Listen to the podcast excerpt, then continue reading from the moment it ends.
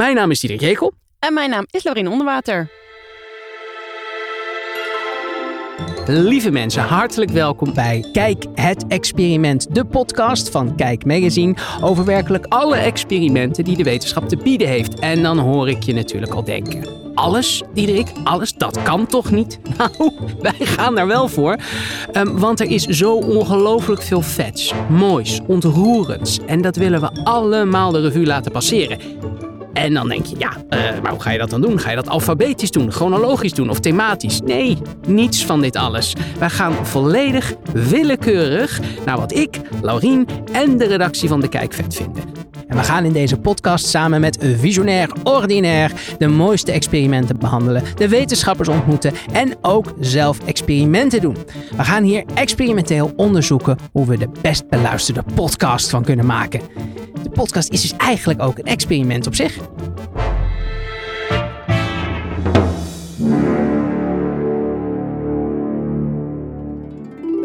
Waar gaan we het nu over hebben dan, Diederik? Ik zou zeggen, laten we het vandaag hebben over de wetenschappers die het ultiemste gedaan hebben voor hun onderzoek. Namelijk op zichzelf experimenteren. En uh, soms kan het zoiets simpels zijn als, als wat we allemaal zelf kunnen bedenken. Bijvoorbeeld, heel veel mensen denken dat het kraken van je knokkels Oh nee, nee, nee, nee. Oh, ik kan hier zo slecht tegen als mensen dit doen. Top, top. Dat dat slecht zou zijn voor je knokkels. Dat heb jij vast ook wel gehoord. Misschien denk je dat wel. Ik hoop het. Mensen moeten er echt mee kappen. ja, precies. Ik hoop het ook. Um, maar goed, wat zou je nou kunnen doen om daarachter te kunnen komen? Nou, er is een, een man geweest, Donald Unger. En uh, zijn moeder zei ook al de hele tijd... Donald, uh, don't crack your knuckles. Of hoe ze dat ook gezegd uh, zou hebben. Um, en hij dacht, weet je wat? Ik kraak gewoon mijn linkerhand.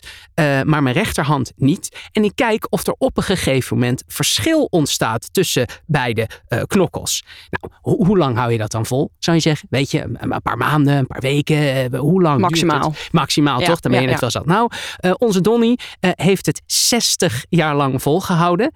En hij ontdekte dat de artritis in beide handen uh, gewoon hetzelfde was. Dus na 60 jaar kwam je erachter dat het eigenlijk in ieder geval in hem totaal geen verschil heeft gemaakt. En dat het kraken van je knokkels dus niet zo erg is. En maar, toen... maar mag ik even interromperen? Het is ja? dus ook niet goed voor je. Dus op zich kun je het dan laten.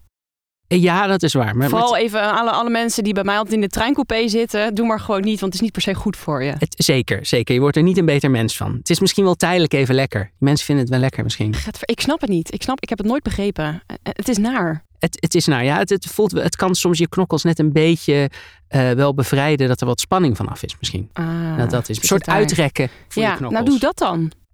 ja, oké. Okay. Ja, nee, maar het is op zich wel interessant. Dat hele geluid, dat ploppen, daar zit vreselijk leuk natuurkundig verschijnsel achter. Dat, de, de ontstaat... lucht toch, die ontsnapt? Of? Nou, nee, er ontstaat een heel klein kookbelletje. Oh. Uh, uh, in je knokkels. Uh, dus dus um, wat je eigenlijk doet, is je trekt heel eventjes wat uit elkaar, waardoor de vloeistof ertussen heel kort eventjes gaat koken en in een gas verandert. En dat kookbelletje wat weer in elkaar plopt, dat hoor je als het knakje. Um, en zelfs met die wetenschap vind jij het nog steeds chill om af en toe even je knokkels te kraken? Uh, ik, ja, ik bedoel, uh, ik, ik kan gewoon mijn knokkels laten koken. Dat, ja. dat is natuurlijk, ik bedoel, ik heb knap. een soort, soort circus act in mezelf. Ja. Dus nee, maar ik kijk, um, dus die, die moeder van die Donald Unger, die zei dus al uh, toen hij klein was, Donald, don't crack your knuckles. Um, en toen hij dus in 2004 de Ig Nobelprijs, een soort, soort grappige mm -hmm. Nobelprijs, een Nobelprijs met een knipoog, voor die ontdekking kreeg, zei hij in zijn acceptatiespeech in nou, hij zei het in het Engels, maar hij zei: uh, uh, Mama, ik weet dat je me kan horen. Ze was natuurlijk al hartstikke dood. Uh, mam, je had geen gelijk. dus die knokkels, dat is geen probleem. en nu je toch naar me luistert, kan ik dan nu ook stoppen met het eten van broccoli. Ah. Ja, zo zie je maar weer. Je moeder blijft je moeder, ook als je 83 jaar oud bent. Maar dit zijn dus experimenten die, die niet zo gevaarlijk zijn. Maar er zijn dus ook voorbeelden van mensen die het leven uh, uh, lieten of bijna lieten door op zichzelf te experimenteren. Ben je wel echt een diehard wetenschapper als je dat doet? Dan, dan ga je wel echt uh, tot het gaatje. Ja. Absoluut. Ja, ja. daarop terugkomend ga ik straks ook. Maar daar ga ik even mijn tanden zetten in een zure citroen. Goed, dan ga ik misschien niet zo tot het gaatje als bijvoorbeeld een, een Jonas Salk ging naar het uh, bekend, naar het bij hem vernoemde Salk-vaccin. Maar ik vind het voor mij ook wel een dingetje wat ik straks doe. Maar daar komen we later op terug. Uh, ja, Jonas Salk, ken jij die, uh, Diederik? Zeker, zeker. Het, het, het vaccin. Eh, Zeker. is naar hem vernoemd, absoluut. Ja. Eh, nou ja, goed. Weet je, ik ga, ik ga toch even wat over vertellen voor de, voor de luisteraar die dit dan niet weet. Uh, Jonas Salk die is dus uh, bekend van het Salk-vaccin en dat was dus tegen polio. Ja, daar horen wij nu natuurlijk niet zoveel meer van. Vooral niet in Nederland, maar vroeger was dat nogal een dingetje. nou goed, hij, hij had een vaccin ontwikkeld en dat moest natuurlijk worden uitgeprobeerd op gezonde vrijwilligers. En toen kwam Jonas Salk met het briljante idee om zijn volledige familie naar voren te schuiven voor de vaccintest. En zichzelf. Nou, uiteindelijk is dat heel erg goed gegaan, want iedereen kreeg antilichamen. Hè, want dat is een beetje de, de basic principle van een vaccin. Maar het werd zo'n groot succes. Zou je denken, nou, dan ga je patent op aanvragen, hè, lekker cashen.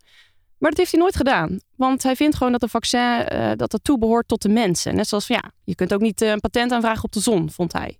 Dus nou, ik weet niet of je meeluistert, Pfizer, maar zo kan het dus ook. Hè? Nadat je 37 miljard in een jaar verdient, hoef je de prijzen niet per se omhoog te gooien blijft een verbazingwekkend dat ze dat, uh, dat ze dat willen doen. Maar mm -hmm. je kunt met de, hele, de huidige discussies en ruzies over vaccins, zeker op social media, nauwelijks meer voorstellen dat, dat mensen dat op deze manier uh, aanpakten. Gewoon je eigen uh, familie gebruiken of zo. Maar um, zo is het echt gegaan inderdaad met Salk. Maar het is recenter ook wel zo gegaan.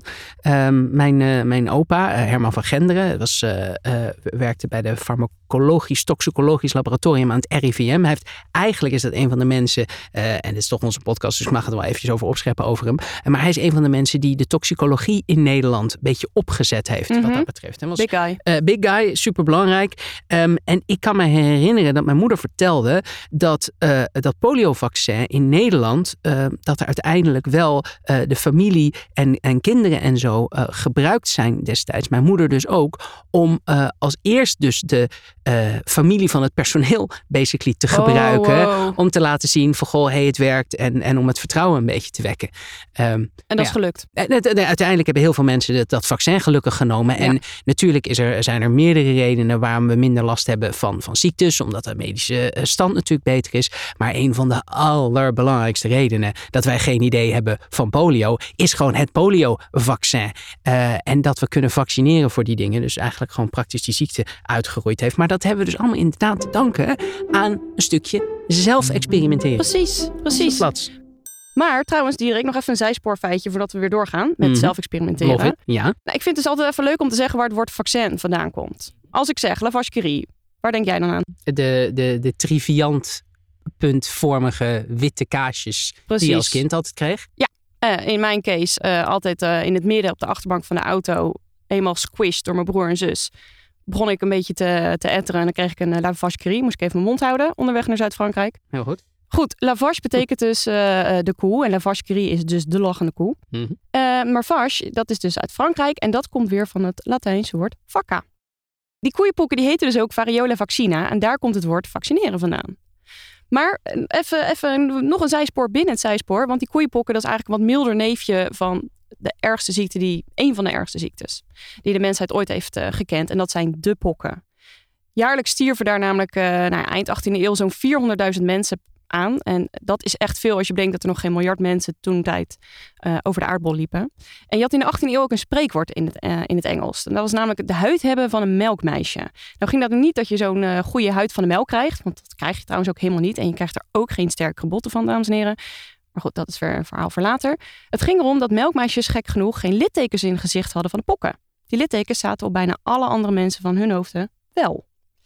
Nou goed, ehm, dan gaan we nog even terug dus naar die eind 18e eeuw. Je had toen het melkmeisje Sarah Nelms. En ehm, zij had koeienpokken van een koe genaamd Blossom gekregen. Super lieve naam. Eh, maar ja, dat beest had er mooi dus wel koeienpokken gegeven. Het was een mooie rode koe, waarvan een mooi romantisch schilderijtje nog in het Edward Jenner Museum in het eh, Verenigd Koninkrijk hangt. Trouwens, aanrader om te zien. Maar de, ja, Edward Jenner gaat misschien niet per se een, eh, een belletje rinkelen, maar die eh, is de bedenker van de vaccins. Hij schraapte wat pus uit de blaren van Sarah's handen. Goor verhaal, maar dus wel echt briljant. En vervolgens eh, spoot hij dat in de acht jaar oude zoon van de tuinman. Dat was James Phipps. En die kreeg het dus in beide armen gespoten, dat, dat koeienpus. Maar, ehm, of nou, koeienpus, het was van Sarah, maar goed, die had het weer van die koe gehad. en eh, Indirecte koeienpus. Ja. indirecte koeienpus. Ja. Maar de, ja, raar maar waar, hij werd helemaal niet ziek. Dus Jenner heeft vervolgens dit jongetje nog een paar keer met pokken in aanraking gebracht. En hij raakte maar niet geïnfecteerd. Vervolgens heeft hij dit nog even op eh, 23 andere mensen uitgeprobeerd. Oh ja. Eh hebben hier ook helemaal geen geld aan verdiend. omdat hij, nou ja, luister je mee, Pfizer, Moderna, AstraZeneca, BioNTech, Janssen en anderen. Hij vond het niet ethisch om daaraan te verdienen. Kijk, had ze flats. Hoppatee. Ja hoor. Nou, en zo is dus het, uh, het, het vaccin ontstaan. En dat, ja, mooi hè? Ik, vind, ik blijf het een mooi verhaal vinden. Absoluut. En, en ook gewoon, ja, het is natuurlijk een beetje, een beetje een riskante manier van, van onderzoeken wat dat betreft. Ja, maar het is het, natuurlijk een succesvol verhaal. het is een succesvol verhaal, maar in, in basis is het natuurlijk wel wat je nu nog steeds wel een stuk voorzichtiger, hoe je nog steeds natuurlijk medische, eh, nieuwe medicijnen en Ja. vaccinaties en dat soort dingen uitprobeert. Alleen gaat er dan tien jaar overheen. Logisch ook, hè? Want- Zeker. Doe je ook ietsje voorzichtiger en meer onderzoek vooraf. Ehm, maar goed, het, eh, het is natuurlijk. eh, het heeft wel een van de grootste eh, ehm, medische doorbraken ooit opgeleverd. Zeker. Want vaccins hebben echt zo ongelooflijk veel mensenlevens gered. Ja. Eh, dat is echt bizar. Maar goed, eh, in de medische wetenschap zijn er trouwens heel veel mensen die, die op zichzelf geëxperimenteerd hebben.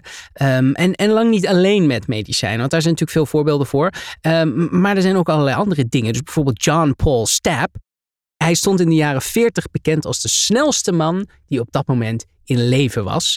Ehm, en waarom? Nou, hij deed onderzoek eh, naar het effect van snel afremmen en versnellen op mensen. Kijk, ehm, mensen denken altijd van, oh, grote snelheid, dat, dat is een probleem. Maar eigenlijk is dat niet het probleem. Ik bedoel, je kunt makkelijk bijvoorbeeld met 1000 km per uur vliegen eh, eh, in een vliegtuig. En je hebt het niet eens door. Je zit gewoon lekker je, je filmpje te kijken Ja. en te snotteren bij een romcom waar je normaal nooit bij zou snotteren in het vliegtuig. Ehm, en André Kuipers bijvoorbeeld, toen hij in het ruimtestation zat, ISS, toen ging hij met 28.000 km per uur. Dus grote snelheid, ja, dat, dat, dat merk je eigenlijk niet. Nee. Wat wel akelig is, is stoppen. En vooral als dat heel snel gaat. Dus het is een beetje hetzelfde als dat je ook geen re- hoogtevrees ho- hoeft te hebben. Het is meer de vrees voor de impact met het beton eh, onder Ja. de flat. Dat, dat, dat is eigenlijk waar je vrees voor moet hebben.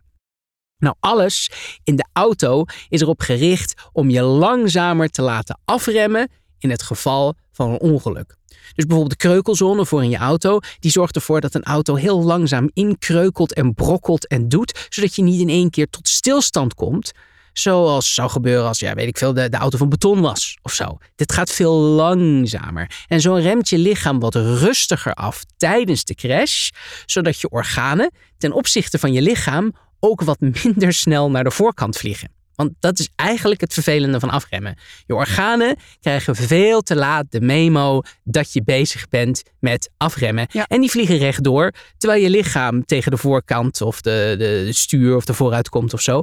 Eh, dus sowieso, toptip, gebruik altijd gordel en airbags en die kreukelzones. En, want dat zijn allemaal manieren om je lichaam langzamer te laten stoppen. Nou, eh, de eerste experimenten met versnelling en vertraging, die, die gingen helemaal niet op mensen overigens. Hè. Ehm, tegenwoordig moeten auto's uitgebreid getest worden op allerlei dingen qua veiligheid. Maar dat is heel erg een, eh, een, een moderne eh, uitvinding eigenlijk. En dat begon allemaal onder andere met dus mensen als die John Paul Stapp, die dus allerlei experimenten deed met dat heel erg snel tot stilstand komen en kijken van hoe kun je nou dingen veiliger maken voor bijvoorbeeld mensen in een vliegtuig of eh, eh, mensen eh, in het verkeer. Ehm, maar eigenlijk moeten we, als we het hebben over veiligheid en experimenten, dat betreft, moeten we een stapje verder terug. En waarom? Gewoon omdat het heel geinig is. Weet jij, ehm, eh, beste luisteraar, eh, wie de Ierse Mary Ward was? Ehm, heel veel mensen zullen nooit van haar gehoord hebben. Maar ze is wel interessant, want 31 augustus 1869 overleed zij. Ehm, en ze was om meerdere redenen interessant. Ze was een Ierse eh, naturalist, astronoom, kunstenares, microscopiste. En ze maakte geweldige platen van wat ze allemaal onder de microscoop zag. En samen met haar neef, William Parsons, eh, eh, keek ze naar de hemelen met, met een gigantische spiegeltelescoop. Het is echt een mega interessante vrouw. Ehm, en dat was de grootste telescoop eh, destijds ter wereld. Nou, ze kon dus geweldig goed tekenen. Ze kon alle insecten natekenen. En, en, en ehm, zij zei eh, als kind meteen tegen de ouders dat ze, eh, dat ze een microscoop wilde hebben. En, en die vonden ook dat, dat ze dat moest hebben. Ehm, en ze zou daarmee aan de gang gaan als kind al. Het was liefde op het eerste gezicht. En de rest van haar leven zou ze alles natekenen wat ze kon zien. En eh, haar observaties, die bundelde in een boek. Sketches with a Microscope. Gaf ze zelf uit. Echt, als je dat kan zien, het is echt prachtig. Self-made lady. Self-made lady. Echt een, een geweldig uh, persoon. Um, en ze was bang alleen dat niemand haar boek wilde uitgeven. Want ja, ze was een, een, vrouw in die tijd. Ja, dan had je gewoon geen schijn van kans uh, in de wetenschap. Um, en uiteindelijk was het zo dat het gelukkig werd opgepikt door een uitgever. Uh, die dacht dat ze het zouden willen hebben. En het kreeg acht herdrukken of zo. En het was een, een, een vreselijk groot succes. Nou, ze was een, een grote uh, beroemdheid. Waarom? Uh, nou, helaas niet alleen om haar werk, maar ik wilde dat toch even noemen, want dan is het zo lullig dat dit de enige reden is waarom ze bekend is. Maar ze overleed op 31 augustus 1869. En waarom? Omdat ze de allereerste slachtoffer was van een auto-ongeluk. Kan me niet voorstellen in ieder geval het eerste die, die, die, die genoteerd is, ja, zeg maar. Ja, ja, in, in 1869. Er waren natuurlijk ook heel weinig uh, auto's. Dus het was, was heel erg groot, uh, groot nieuws natuurlijk destijds. Uh, maar um, haar, haar neef, die had een, een stoom aangedreven auto. Sowieso heel geinig. Dat in die tijd was het ongeveer een, een, een derde stoom aangedreven auto's. Het was eigenlijk, er waren heel veel elektrische auto's. Het was bijna nog geen benzineauto. Um, die moest überhaupt nog uitgevonden worden door meneer Karl Benz. Um, en je had eind uh, 19e eeuw uh, waren er dus drie smaken. Stoom, elektrisch en benzine aangedreven. En nou ja, alles had voor- en, en, nadelen. Maar, maar zij zat in een stoomgedreven auto. En op die noodlottige dag reed ze samen met haar man Henry. En met zoons van haar neef. En nog, nog een meneer Charles Parsons, die ook belangrijk was. Nou, uiteindelijk, ze ging door een bocht. Noodlot sloeg toe. Ze werd uit de auto geslingerd. Uh, vlakbij het stadje Burr in Ierland kwam onder een wiel terecht en, en stierf vrijwel uh, direct. Oh. En, en in verdriet heeft de auto, is de auto toen meteen vernietigd door de uh, familie. Um, en, en uiteindelijk um, dachten fabrikanten helaas pas veel later van joh, we moeten hier iets aan doen. We gaan dit moeten onderzoeken. Hoe kunnen we die auto's veilig gaan maken?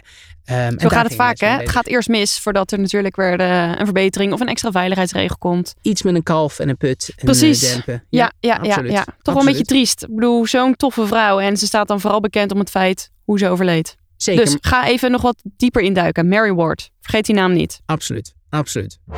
Nou, zo'n 70 jaar na de dood van, van Mary Ward, uh, een beetje in de, de jaren 30 van de 20e eeuw, gingen autofabrikanten echt wetenschappelijk experimenteel uitzoeken. Ja, hoe zit het nou met krachten op het menselijk lichaam? En dat begon uh, heel luguber niet met de crash test dummies zoals we die vandaag de dag uh, kennen, maar met, met kadavers van, oh. van mensen. Oh. ja, je, je laat dan, dan zware kogels, lieten ze bijvoorbeeld vallen op schedels om te zien bij welke hoogte en dus ook welke kracht uiteindelijk wat deed met een schedel. Zodat ze iets konden bedenken over oké, wat zijn de effecten dan uh, op, het, op het mens. En, en ook er werden er lichamen in ongebruikte lichtschaften gegooid. En, oh, ja, het is, het is best wel heftig. Maar goed, uiteindelijk was het heel erg een praktische reden waarom ze hiermee gestopt zijn. Omdat het gewoon heel lastig is om aan nieuwe menselijke lichamen te komen. Niet iedereen stond natuurlijk in de rij om dat te laten doen met een, een, een geliefde nabestaande. Uh, dus toen is men uiteindelijk varkens gaan gebruiken. En uiteindelijk pas decennia daarna de, de poppen zoals we die nu kennen. De bekende crash test dummies. Maar het, het heeft dus een enorme uh, uh, stap uh, gemaakt. Huh? Step, ja. we komen zo weer terug. Van uiteindelijk Mary Ward, die lang geleden in 1869 om, om het leven is gekomen. Ja. We komen terug bij John Stepp, die echt nou toch wel echt de ultieme snelheidsduivel was. Um, want uh, hij heeft zichzelf tot sneller dan 1000 km per uur versneld op een slee waar raketten aan verbonden zaten. En remde zichzelf af in 1,4 seconden. Nou, dat is echt meer dan 20 G kracht op je donder. Uh, dat zou in mijn geval betekenen dat ik meer dan 1200 kilo even weeg. Dat is heftig. Maar goed, die step. Ja, vlak na de Tweede Wereldoorlog uh, wilden de Verenigde Staten heel graag weten... wat zijn nou de effecten van een snelle vertraging op het menselijk lichaam? Probeer er maar eens iemand voor te vinden. Met een slee en contragewichten werden mensen dan uh, mega snel versneld en weer vol afgerend. Ja, je moest wel een sterke maag hebben, denk ik. Want, ja. Uh, dat is heftig. Heel heftig. Uh, in een paar jaar hebben ze toch nog op 74 keer op mensen weten te experimenteren. En de meeste keren was dus die Step, de vrijwilliger. En een luchtmachtofficier was dat. En uh, nou, dat was geen sinecure. Die arme man heeft twee keer zijn pols gebroken. Hij had een buikhernia, zijn stuitje gebroken, zijn ribben gebroken. Vullingen kwamen uit zijn tanden. En zijn ogen waren dus zo aan het bloeden dat hij zijn zicht tijdelijk verloor. Ja, Oké, dus word- wel gewoon iemand die alles voor de wetenschap over Ja, maar wel, wel zwaar extreem. Dat is wel echt. Maar goed, we mogen blij zijn dat hij dat heeft gedaan. En niet dat een van ons zich hoeft op te offeren. Want eh, hij heeft zelfs in één run 46G overleefd. Dus dat was voor hem, betekent dat ongeveer dat hij eh, eventjes eh 3500 kilogram woog. Ja, 3.500 kilo, dat is poh. Ja. pittig. Ja. Echt een all-American bikkel was het. Eh, hij was heel arm opgegroeid. Hij is een keer betrapt tijdens de geneeskundeopleiding toen hij eh cavia's aan het eten was Oké. die gebruikten ze vroeger voor medische experimenten. Dus hij had eh, nou, heel netjes experiment gedaan, veel kennis vergaard. Maar ja, na, het, na dat doen van experimenten had hij honger. En die beesten die zouden vernietigd worden. Dus hij dacht, ja, zonde, kan ik hem net zo goed opeten. Je bent er toch. Ja, dan Ja, heeft het beest maar en voor de wetenschap gediend en eh, iemands maag gevuld. En er zijn plekken in de wereld waar ze gewoon nog cavia's eten, toch? Ja, toevallig een vriendin van mij is net terug van een sabbatical eh, door onder andere Peru. En eh, daar kreeg ze gewoon nog een, een cavia op haar bordje. Oh. Ja, ja, nou ja, oh, ja. Ja, ik bedoel of je nou een, een varken of een cavia eet, maakt natuurlijk niet zoveel uit. Nee, zo is het. Theoretisch. Dus Andere discussie. Andere discussie. Ja. Ja. We gaan terug naar stap. Ja. Want, nou goed, hè, buikje vol, lekker cavia gegeten, helemaal prima. Tenminste, vonden ze toen een beetje gek. vol. Een cavia. Als je er vijf eet, dan Oké, kom je. Ja. Nugget. Eh, hij is dus enorm belangrijk geweest, omdat hij door zijn experimenten allerlei veiligheidssystemen eh, heeft bedacht en gebruikt. Ehm, het zachte dashboard, betere bumpers, verplichte riemen, allemaal te danken aan stap. En natuurlijk ook nog aan Mary Ward, die moeten we nog steeds niet vergeten. Eh, sommige landen hebben dat ook overgenomen, dat je achterwaarts veel veiliger vliegt dan voorwaarts. Helaas is dat natuurlijk in de commerciële luchtvaart nooit echt doorgedrongen. En vliegen we nog steeds voorwaarts, wat, wat eigenlijk heel dom is. Ja, het is, het is, ik, ik heb me dat altijd afgevraagd. Want ik, vanaf kinds af aan zat ik me op een gegeven moment... Ik weet, mijn oma die wilde altijd vooruit rijden in de Mhm. trein. Want anders werd ze misselijk. Ja. En zelf maakte mij het niet uit of ik nou vooruit of achteruit. Gelukkig gezegend eh, daarin. Eh, maar ik zat toen te denken van... Ja, maar als het me niet uitmaakt lichamelijk... Wat is dan de verstandigste richting? Toen kan ik me herinneren dat ik als kind zat te denken... Oké, maar wat nou als je een, een ongeluk krijgt? Ja. De trein rijdt ergens tegenaan. En toen dacht ik, ja, maar als je vooruit rijdt... dan word je vreselijk door de hele coupé heen geslingerd. Bloed overal, één groot drama. Maar als je nou achteruit rijdt, dan word je gewoon lekker In je stoel ontspannen. gedrukt. Mm, Ja. Lekker, lekker Nou. geborgen in je stoel gedrukt, gechargeerd gezegd. En, en dus dacht ik van nou weet je, je moet gewoon altijd achteruit rijden in de trein. En dat is dus iets wat je in vliegtuigen eh, ook het beste kan doen. Alleen ja, wij vinden dat kennelijk eh, onduidelijk en raar. En het is in allerlei eh, ehm, eh, militaire vliegtuigen wel gewoon Mhm. gebruikelijk. Maar ja, dus bij co- commerciële luchtvaart Nee. helaas niet. Nee, wel in die privéjets. Maar ja, Ja, maar daar sorry, zit ik niet zo snel in. Nee, maar dat moet je sowieso niet doen. Maar wat stap misschien eigenlijk nog wel veel belangrijker. Maar natuurlijk superleuk met het redden van levens en eh, al dat soort dingen. Allemaal leuk. Nee, weet je, een van zijn assistenten heeft eh, zijn harnas ooit verkeerd vastgemaakt. En als gevolg daarvan hebben de sensoren niet geregistreerd toen Stap zo'n bijna dodelijke rit zat. Super vervelend voor Stap, want hij heeft dus meegedaan. Zijn lichaam bijna hartstikke dood. Maar die sensoren hebben niks gemeten. Dus die meting, die was zinloos. Nou, waarom is dit belangrijk? Nou, hij heeft toen allerlei ellende eigenlijk voor niks gehad. Die assistent die dat gedaan heeft en dus die fout heeft gemaakt, die luistert naar de naam Captain Edward A. Murphy Jr. En misschien zegt die hele naam mensen nog niet zoveel, maar dit zou best zomaar het moment kunnen zijn dat die meneer Murphy toen tot de conclusie is gekomen: alles dat fout kan gaan, zal ook fout gaan. Dit was niemand minder dan de Murphy van de wetten van Murphy, zeg maar. Mhm, En dat mhm. was gewoon dus eigenlijk is het ongeluk van Stap heeft ervoor gezorgd dat wij nu de wetten van Murphy kennen. Everything that can go wrong will, Will go, go wrong. wrong, ja. En en anything good in life is either illegal, immoral or fattening. Had een aantal van dat soort heerlijke eh, eh, regels. En dat is dus gewoon een echt bestaand iemand geweest. Tegelwijsheden, Ja, absoluut. ja. Een echt bestaand iemand geweest die dus gewoon aan step eh, heeft zitten sleutelen. En ooit eens een fout heeft gemaakt. Dat we weten. En misschien is dat dus wel het moment van de wet van Murphy geweest. Vind ik heel vet. Ja, vind ik een heel tof verhaal. Absoluut. Er is mij gevraagd om zelf ook een experimentje te doen. En eh, dan zeg ik natuurlijk ja. Want hè, de grote Zo ben jij. Maar ja, ik vind je dapper. Dank je. Mag Dank wel je. even gezegd worden. Ja. Dat vind ik heel lief. Ehm, je hebt dus van die mensen die het echt fantastisch vinden om hun tanden te zetten in de citroen. En dan ook niet eens een zuur gezicht trekken. Maar is het is de uitdaging om, net zoals dat sommige mensen eh, sambal en zo eten, van haha, kijk mij eens Denk stoer zijn? Of is het zo dat sommige mensen dat anders ervaren en misschien Nou, er minder last van hebben? Dat weet ik dus niet. ik weet alleen dat ik niet één van die mensen ben. Als ik al een, een beetje citroen ruik, dan voel ik al dat mijn speekselklieren keihard aan de slag gaan. Als jij de groente fruitafdeling al binnenloopt, Ja, dan begin je te kwijlen. Precies. Basically. En Maar niet eens omdat omdat het lekker is. Nee.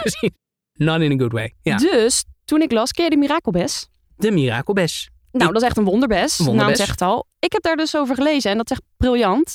Daar zit een molecuul in, in die bes, Ja. in dat vruchtvlees. Dus als je die gaat eten, dan bindt dat molecuul zich op de smaakpapillen van jouw tong. Ah, Maar niet op alle. Dus hij blokkeert die voor zuur en bitter. Dus dat is fascinerend. zuur en bitter worden geblokkeerd en je proeft dus wel nog zoet. Dus ik heb eh, tabletjes gekocht van de Mirakelbes. Die bestaan gewoon, mirakel. Mirakelbes, eh, ja, ik moest het bij, eh, bij de bol.com bestellen. Ja, goed werk. Sluikreclame. Ja. Ehm, verder kon ik het ook oprecht nergens vinden. Want ja, als ik die best wil plukken, moet ik naar West-Afrika reizen. Vind Oh, ik ja. ook leuk, maar er was helaas geen budget voor. Dus ik heb maar even zo'n tabletje besteld. En ik heb hier voor mij liggen een bordje met een citroen. Hoe gaat het experiment in zijn werk? Wat ga je doen? Ik ga nu die citroen door het midden snijden. Ja, Ik neem een hap. Jij ziet mij dan achterlijk zuur kijken.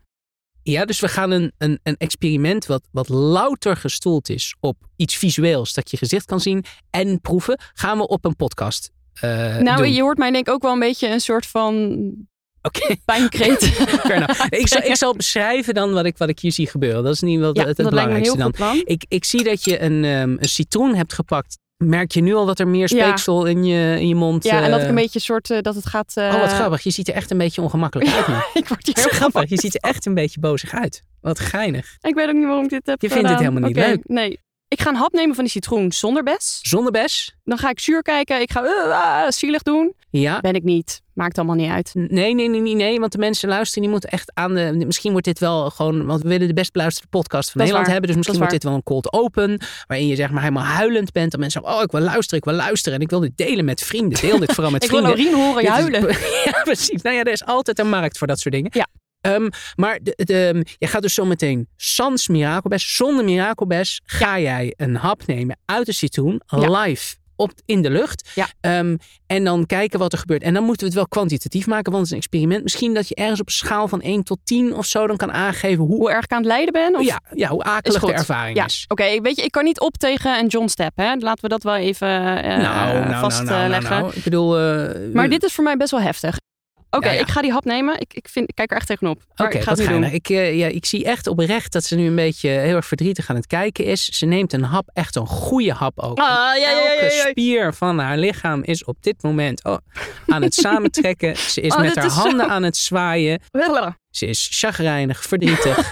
Zit te denken, ik wil loonsverhoging bij de, bij de kijk. Ja, Dit is helemaal niet de bedoeling. oké. Nee. oké. Oké, Genoeg. heel Genoeg. akelig. Ja, dit vond je echt Ah. vervelend, denk Ja, ik. dit Oh, is echt ik, moet, ik moet niet eh, je dingen natuurlijk in de mond leggen. Nee, Heeft dit die was... citroen al gedaan.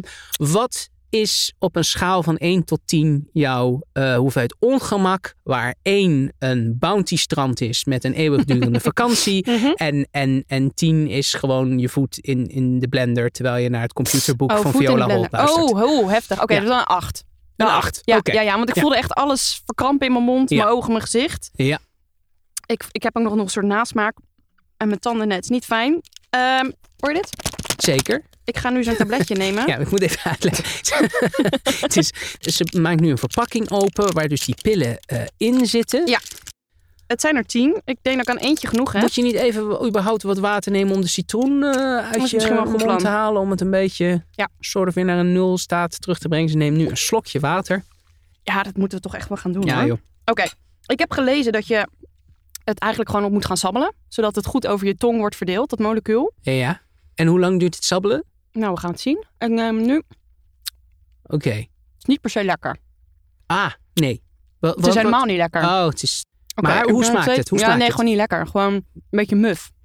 Oké, dus het heeft niet echt een eigen smaak. Nee. eh. Maar ik ben het even maar- goed over... Sorry dat ik smak hier. Maar je bent nu een eh muffe pil aan het nemen. ja, om, om in principe een Zoet. vermijdbare situatie eh, te, te doen. Ja. Is het wel minder erg nu wat je aan het doen bent versus het eten van de Ja, citroen? ja, ja, ja. Oké. Veel beter. Dus als dit werkt, wat we niet weten, maar stel dat dit werkt, dan is dit wel De voor moeite waard. jou de moeite waard. Absoluut. Oké, Ja. oké. Oké. Ik, eh, ik heb denk ik nu de helft opgesabbeld. Oké, gaan we het doen? Ja, ik, eh, ik, ik kan niet wachten. Ik ben krankzinnig benieuwd. Take it away. Oh god. Nou, we gaan weer jongens. Ik neem nu de andere helft van de citroen. Denk, denk zoete gedachten, hè? dat is ook belangrijk. Ja. Ja, 3, let's go. 2, 1. Je reactie is nu al Ik kijk, 80 graden aan. Dus ik je kijk niet kijkt zuur, hè? Kijkt me, nee, nou niet meer dan Ik gemiddeld. vind... Nee, je kijkt me gewoon normaal aan. maar het is oprecht lekker nu.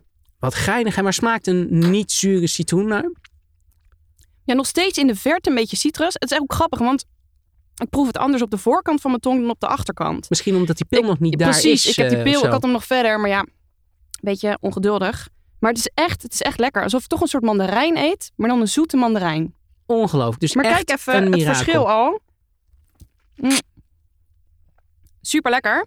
Dit is dus de helft citroen die ik bijna op heb gegeten Ja, je hebt gewoon een halve vind. citroen uit zitten, zitten lurken. Ja. Het is ongelooflijk. Ja. Nou, dit zou ik dus echt never nooit hebben gedaan zonder die pil, hoor. Nee, die andere die is nauwelijks aangeraakt. Nee. Waar je echt je best op hebt gedaan. Ja. Want ik zag je lijden. Ja. Met een hoofdletter lange En nu echt vooral, ik voel nu echt, die nasmaak is ook echt super lekker. Nou, wat goed. Oké, dus en ook de- als ik nu langs me, met mijn tong langs mijn lippen, dan denk ik, oh, lekker, ik heb iets zoets. je eh, wil meer. ja. Nou, ongelooflijk. Wie gaat even citroenen voor mij kopen? Hey, en hoe zit het nu met de, de schaal van, van 1 tot 10? Je had net een 8 Ja, in de is, Leidensweg.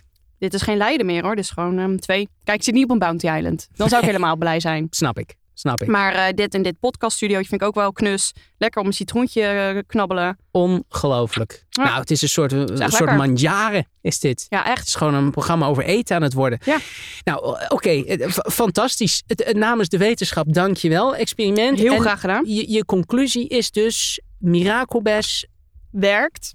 Ik zit echt nog na te genieten van die citroen. ongelooflijk. En dan moet je dus eigenlijk dus nu nog een pil hebben die, die muffe dingen lekker laat smaken. Oh, goeie. En dan neem je die dan eerst. Ja. Dan deze pil en dan stap voor stap Eet je alles. eet je alles. Alles smaakt dan eh, als een suikerlolly, jongens. Ongelooflijk. Ja. Jij hebt nu iets heel heftigs gedaan voor de wetenschap. Voor mezelf. Je hebt iets voor jezelf heel heftigs Ja. gedaan. Eh, voor ons, voor het succes van de podcast. Maar er zijn ook mensen die experimenten doen op zichzelf. Die ook gewoon echt wel medische gevolgen hebben. Om uiteindelijk de wereld een stukje beter te maken. Nou doen Ja. we ons uiterste best ook om de wereld een stukje leuker te maken. Maar onze gast eh, is wel heel erg bijzonder. Omdat hij eh, een van de grootste ziektes in Nederland. Waar de meeste mensen enorm veel last van hebben. Een miljoen mensen in Nederland hebben diabetes eh, type 2. 100.000 mensen hebben last van, van diabetes type 1. En dat weet ik uit eigen ervaring, want ik heb diabetes type 1. Beïnvloedt je leven vreselijk.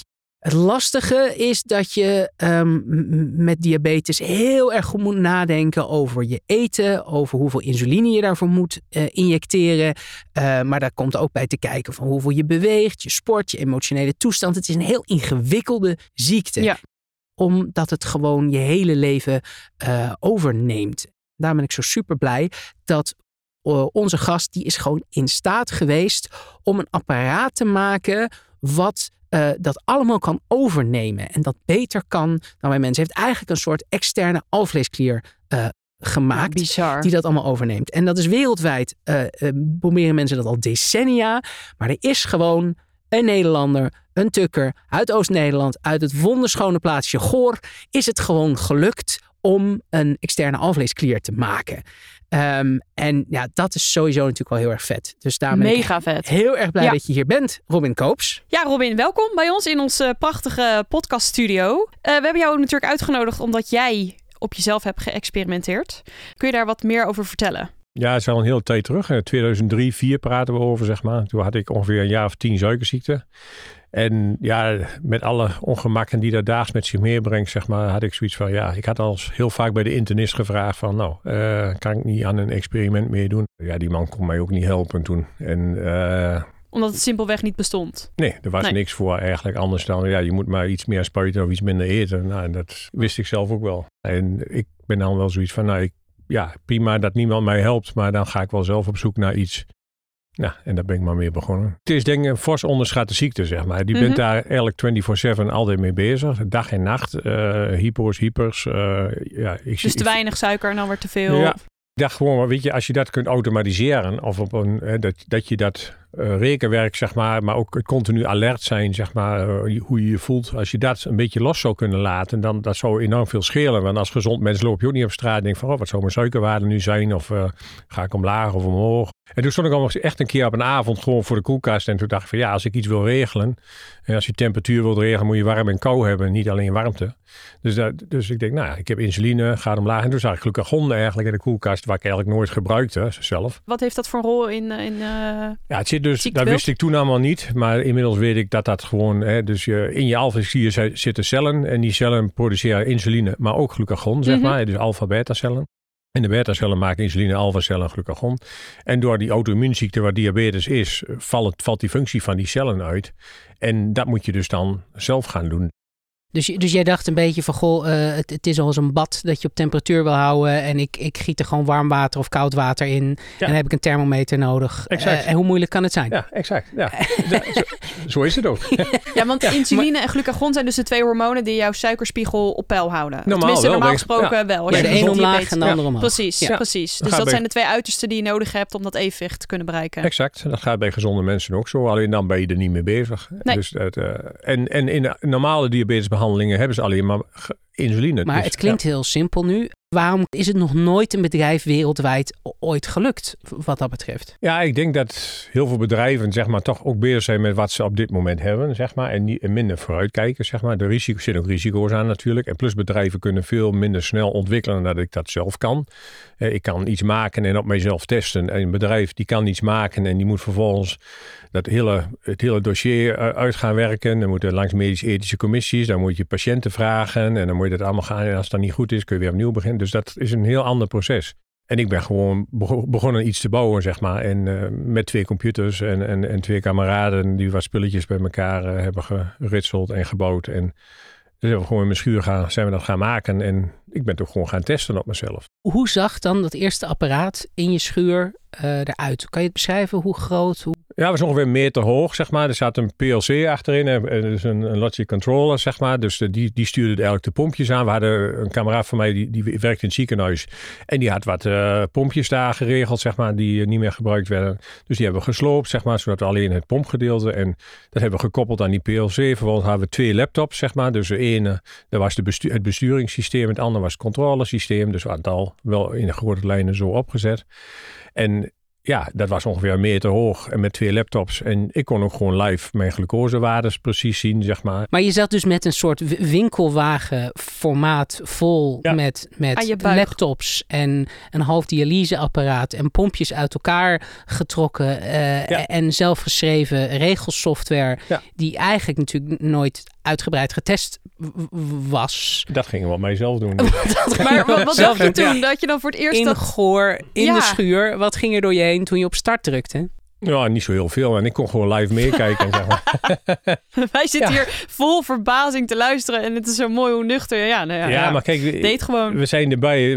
Een van mijn vrienden, Joris Bonhoff, die, die was diabetesverpleegkundige. Dus die zat erbij Oh ja. voor het geval. eh, eh, maar ik, ik ben natuurlijk ook diabetes. Je voelt ook zelf veel je hypo's en je hypers Ja. aankomen. Ja, ook al zegt het apparaat, het gaat goed met je. Je voelt, Je wacht voelt- even, volgens mij ga ik nu naar beneden. En dan moet je gewoon snel suiker eten. Ja. eh, of En dan glucagon doe je een extra vingerprikje ter controle en allemaal dat soort dingen. Dus ja, op een gegeven moment, is het, het klinkt allemaal ook...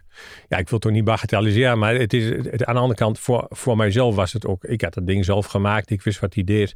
En Ja. ging het in het begin wel eens dat, die, de, dat de software eh, vastliep en, en te veel van iets inspoot of juist niet? Of, of, Nee, dat eh, hebben we eigenlijk nooit gehad, eh, zeg maar. Dus eh, die software werd wel, we testen wel die software zelf. Het apparaat werd ook gewoon, ja, CE-waardig dan gemaakt, zeg maar. Met er zat een noodknop op en allemaal dat soort dingen meer, zeg maar. Dus het was niet, het was niet zomaar, het, het was wel echt serieus gebouwd, zeg maar. Want Ja. wat was jouw dagelijks eh, beroep, werk? Ik zat destijds in de machinebouw, zeg maar. Ik had eigen Dus bedrijf. de technische... Ja, achtergrond. dus ik bouwde allerlei machines, installaties voor bedrijven, meer, ook wel meer de regeltechniek. Eh, dus ja, Hoe lang ging er overheen voordat je met een tweede prototype dat alweer een beetje kleiner was dan het vorige? ongeveer drie jaar heeft dat geduurd. Maar het heeft niet zozeer dat we echt drie jaar heel druk zijn geweest. Maar het is, het is meer dat we het eerste jaar dat al wel op een niveau... En vervolgens ga je op zoek naar, ja, wil je dat verder brengen? Het heeft wel twee jaar geduurd voordat we in contact waren met een professor die überhaupt dus, uh, naar ons wou luisteren, zeg maar. Dus uh, iedereen had zoiets van, ja, ja, het zal allemaal wel. Oh ja, want je was al ziekenhuis langs gegaan met de tweede prototype. Kijk wat ik heb ja, gebouwd. Ja, ik had en... zelfs in eerste instantie nog met een hele andere professor bij het AMC. En die belde niet terug. En de afspraak, dat ging allemaal niet. En toen zat hij in Amerika. En dat was allemaal gewoon... De, iedereen... Slaat zichzelf nu voor zijn kop. Maar goed, je hebt het dus op jezelf uh, allemaal uitgeprobeerd. Dan kan je dus ook, hoef je ook niet langs een ethische commissie. Want nee, dat is toch jouw keuze in nee. je eigen garage. Dus dan mag je doen wat je wil natuurlijk. Ja. Um, maar dan ben je dus ook wel de hele tijd zelf aan het zeggen: nee, maar dit is echt goed en dit is echt de moeite waard. Ik bedoel, ja. dat lijkt me lastig. Inmiddels je, moet je natuurlijk, je moet het ook op meer mensen gaan testen, toch? Want ja. als je het alleen op jezelf, dat zegt natuurlijk niks. Dat is maar één persoon. N is één. Ja, dat klopt. N is één. Hè? Ja. N is geen, zeggen ze dan. Hè? Ja. Maar uiteindelijk hebben we in die beginfase, zeg maar, hebben we ook met ziekenhuis uh, bij ons in de buurt in Almelo, hebben we ook wel gewoon, uh, hadden we wat vrijwilligers, zeg maar. En uh, nou, die hebben eigenlijk ook een beetje in het hele grijze gebied, zeg maar, zijn we met vier, vijf mensen hebben we daar ook wat testen kunnen doen in die tijd. Allemaal een dag. En dat ging eigenlijk net zo goed. Uh, dan wisten we eigenlijk al dat het goed werkte.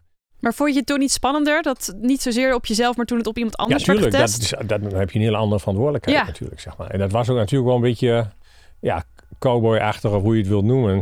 Kijk, nu kijk je er leuk op terug. Als het fout was gegaan, was je natuurlijk, had ik ergens anders in een ander hokje gezeten. Ja. Misschien, dat weet ik niet.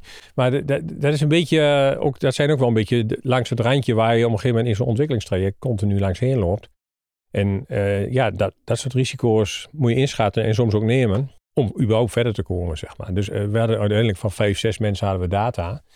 Uh, en dat was ook wel een reden waarom ze uiteindelijk bij het AMC zeiden van... oh, dat ziet er eigenlijk wel interessant uit. Interessant en veelbelovend uit, zeg maar. Dus, uh, dus van één naar zes en nu? Van, uh, van één persoon naar zes personen? Ja, toen zijn, toen zijn we dus in de AMC... destijds zijn we die studies allemaal gaan doen. En, en toen hebben we op zijn wat meer mensen gaan testen. En hebben we eigenlijk al die beginstudies over gedaan. En het grappige is dat dus ook er patiënten nu zijn vanuit die beginfase die nu ook AP hebben. Dus ik heb ook tegen elke patiënt gezegd die uh, in die beginfase zeg maar dat gedragen heeft. En iedereen die het nu hoort, meld je alsjeblieft. Want we hebben gewoon gezegd van uit dankbaarheid ook voor toen. Ja. J jullie komen in aanmerking voor een AP. Dus, Zo heet dat apparaatje dus. Ja, ja. wij noemen hem AP, ja. Dus uh, art, staat een beetje voor artificial pancreas, zeg maar. Ja. Dus kunstmatige alvleesgier. Ja. Dus uh, dat is ook wel leuk dat er nu mensen uit die beginfase dus ook dat apparaat nu dragen. En dus in dat hele traject ook een enorme bijdrage hebben geleverd natuurlijk. Maar, ja, en zelf blij zijn omdat hun kwaliteit van leven denk ik uh, Dat is echt wel En hoe is het? Mensen met diabetes die nu jouw uh, ding in een testfase aan het uitproberen zijn... Die hoeven dus nergens in principe meer aan te denken. Anders dan dat je moet voorkomen dat het ding niet leeg raakt. En op tijd de pleisters vervangen. Maar dat geeft ja. dat apparaatje aan. Maar al die duizend andere dingen per dag die ze uh, zouden moeten doen. Die hoeven ze nu niet meer te doen. Nee, hoeven ze niet meer te doen. En hoe, hoe is dat voor die mensen? De eerste mensen zijn van oktober 2020. Wat je daarvan terugkrijgt is dat de mensen halen eigenlijk allemaal hun behandeldoelstelling. Dat schoringspercentage zit op dit moment op 96%. En dat zijn gewoon internationale behandeldoelstellingen. Dat heeft te maken met time range, HbA1c, LADE. Dat zijn de gemiddelde glucosewaardes. Maar ook de time above en below, zeg maar, hypo's, zeg maar. Daar heeft de medische wereld ooit van gezegd, als dat onder een bepaald niveau zit, dan zijn we allemaal heel erg blij. Want dan is die kans op dat je later, zeg maar, daar echt nadeel van ondervindt, is gewoon heel erg klein wat je dan vaak ziet, als je dat zou kunnen halen, zeg maar, als je dat zelf doet, en dan weet jij misschien ook wel, dan ben je daar eigenlijk zoveel meer bezig dat je amper tijd hebt om te werken, zou ik haar zeggen. Dan gaat je kwaliteit van leven dus enorm achteruit. En die meten hebben we dus ook gemeten over die periode. En dan zie je dat als mensen dus vanuit hun oude ziekte in die studie komen, en dat doe je met gevalideerde vragenlijsten, dat zijn gewoon wetenschappelijke onderzoeken, dat je het echt kunt meten, hè, dan zie je dus dat die, die burden, de last dat mensen van die ziekte hebben, bij de aanvang was dat ergens iets van 33, dat is een score, zeg maar. Die burden moet dus zakken, dan stijgt je kwaliteit van leven. En nou, bij een aantal studies zie je wel eens dat er een paar punten afgaat. Dan dat het naar 30 gaat of zo, weet ik veel, iets in die geest. Maar bij ons zit op dit moment echt op 10. Dus, dus, dus, dus met een soort van 23 punten verbetering in je levenskwaliteit. Ja, precies. Ja, de belasting is, ja, is minder. 23 punten. Veel minder. gigantisch, zeg maar. Dus dat, dat, daar moet je eigenlijk zien dat je kwaliteit van leven twee tot drie keer ver, verbeterd, zeg ja. maar. Ja. Dus, en, en, en de normale waarde zit ergens op iets van 20 uit mijn hoofd. Dus daar zitten we nog ver onder, zeg maar. Dus ja, dus, ja nou goed. Dus dat is een beetje de... Daaraan kun je zien, los even van dat de behandeling goed werkt, maar dat mensen ook er zelf heel blij mee ja, zijn. Precies. Ja, precies. Ja. Ik kan me voorstellen dat het je nooit compleet loslaat, maar volgens mij kun je nu veel makkelijker bepaalde dingen doen, bepaalde dingen eten, zonder dat je elke keer oh, oh, ik moet... Uh... Ja, dat is dus bijzonder wat, je dus eigenlijk ziet. Je, los je dat, dat, je ziet, dat je ziet dat na drie maanden in één keer, hè, dus al die patiënten naar een bepaald niveau gaan, zowel kwaliteit van leven, dat, dat zakt in de loop der tijd nog verder weg, zeg maar. Of dat stijgt nog meer, die burden zakt weg. Maar uh, je ziet dus echt dat na drie maanden, zeg maar, dat die cijfers allemaal ja, binnen de marges zitten, zeg maar. Dat is al heel mooi om te zien. Maar dan vervolgens gaan mensen natuurlijk ook gewoon hun leven veranderen. En dan zie je dus dat, dat, dat, dat die getallen over de termijn, uh, zeg maar, die drie kwart jaar nog steeds verbeteren zelfs, zeg maar. Ondanks dat ze dan wel in één keer pizza's eten en pasta's gaan eten en gaan hardlopen en ook echt het gevoel hebben van ik kan sporten nu, zeg maar, dus ik ga het ook maar doen. Wat voor mij misschien heel normaal uh, is, maar voor jullie echt wel uh, bijzonder dat je dat weer kunt. Maar Robin, um, ongeveer 2% van, van de uitgaven voor de ziekenzorg heeft te maken met complicaties voor diabetes in Nederland. Wereldwijd hebben vele honderden miljoenen mensen uh, hebben het. Het is een apparaat wat, wat, wat voor heel veel mensen potentieel hun leven totaal kan veranderen ten positieve. Ja. Ik bedoel, had je in 2005 rond die tijd uh, dat je met je maten bezig was, het idee dat het zo zou gaan? Of? Nee, helemaal niet. We waren gewoon bezig. Het was ook een stukje hobby en uh, gewoon een uitdaging. En daar zijn we eigenlijk nooit mee bezig geweest, zeg maar, met om, van hoe groot kan iets worden of weer. Dat interesseert ons eigenlijk helemaal niet. Wat we doen, willen we gewoon goed doen. En ja, dat, is, dat doen we nog steeds. En de jongens zijn nog steeds bij ons werkzaam en met inmiddels veel, veel meer mensen. Maar ja, dat is gewoon de uitgang. Het gaat erom dat, dat het goed werkt, zeg maar. Je hebt gewoon een, een, een farmaceutisch bedrijf begonnen om de wereld beter te maken. En dat zou um, ja, meerdere... Als uitdaging. Best wel nou, in eerste instantie gewoon ook voor mezelf. Om heel eerlijk te zijn. Gewoon van, nou, ik, ik, eh, weet je, ik, ik wil kijken of ik dat onder de knie kan krijgen. En als me dat lukt, nou, dan zou het mooi zijn als veel mensen ervan kunnen mee profiteren, zeg maar. Leuke puzzel, het kan jouw leven enorm helpen. En dan is het toch ook prachtig als je ook anderen kan helpen. Exact, exact. Dat is de insteek. Hele mooie instelling. Ja. Nou, wijs bedankt, Robin. Ja, ja. Oh, hartstikke bedankt. Graag gedaan. Oh, lieve mensen, voordat je hem uitzet, want het is alweer het einde. En dan weten we gewoon dat jullie klassiek het meteen alles uitzetten. We hebben twee belangrijke dingen. Allereerst, onze producent Visionair Ordinair. Uh, de, de, de heren die dit, dit programma tot, tot nog een grotere hoogte hebben uh, uh, doen laten stijgen, willen we heel erg graag bedanken. En we willen jullie iets geven. Namelijk de promocode podcast op www.kijkmagazine.nl slash aanbieding.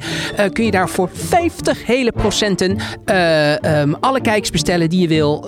dus mocht je iemand iets cadeau willen doen uh, en je weet niet wat, of je wil je verzameling compleet maken of het een keertje uitproberen, ga naar kijkmagazine.nl. Bam! En we hebben het ook nog niet over een beetje korting, hè? niet 10, niet 20, nee, over 50 procent. Howdy Toledo. Precies. Goed, je hebt dus nu geluisterd naar uh, experiment 1 eigenlijk. Want ja. deze hele podcast is een experiment. Dus aflevering 1 is in feite ook experiment 1. Waarin we dus mensen hebben besproken die op zichzelf hebben geëxperimenteerd. En uh, ja, nou goed, helaas, aan alles komt een eind. Dus ook aan deze aflevering. Wij vonden het heel leuk en hopelijk jij ook. En mocht dat zo zijn, dan hebben we goed nieuws en eigenlijk ook wel een klein vraagje. Want het vraagje is of je alsjeblieft kunt delen en liken. Dat helpt ons enorm om meer van dit soort verhalen te maken. Nou, waar vind je dan ons? Op Twitter, Kijkredactie. Op Facebook, Kijkmagazine. En ook op Instagram, Kijkmagazine. En natuurlijk op de website www.kijkmagazine.nl. Waar je elke dag ontzettend interessante artikelen kunt lezen. Super bedankt. Ja, en we kunnen je ook blij maken met de volgende aflevering die geheel gaat over de allergrootste experimenten op aarde. Nieuwe zintuigen en nieuwe manieren van kijken naar alles om ons heen. En wij gaan dus de man ontmoeten die als een soort wetenschappelijke Forrest Gump bij bijna alle grote experimenten op aarde betrokken is geweest. Nou, dat klinkt misschien, is misschien een beetje heftig, maar aan de andere kant, hij was betrokken bij een tunnel van 27 kilometer onder de grond waarin we nieuwe deeltjes hebben ontdekt, een kubieke kilometer aan neutrino-telescoop op de bodem van de Middellandse Zee en bij het bouwen van een zwaartekrachtsgolventelescoop onder de grond bij Limburg doet hij allemaal gewoon voor zijn werk. Nou, ik zou zeggen, dankjewel voor het luisteren en eh, gewoon eh, tot de volgende keer. Houdoe!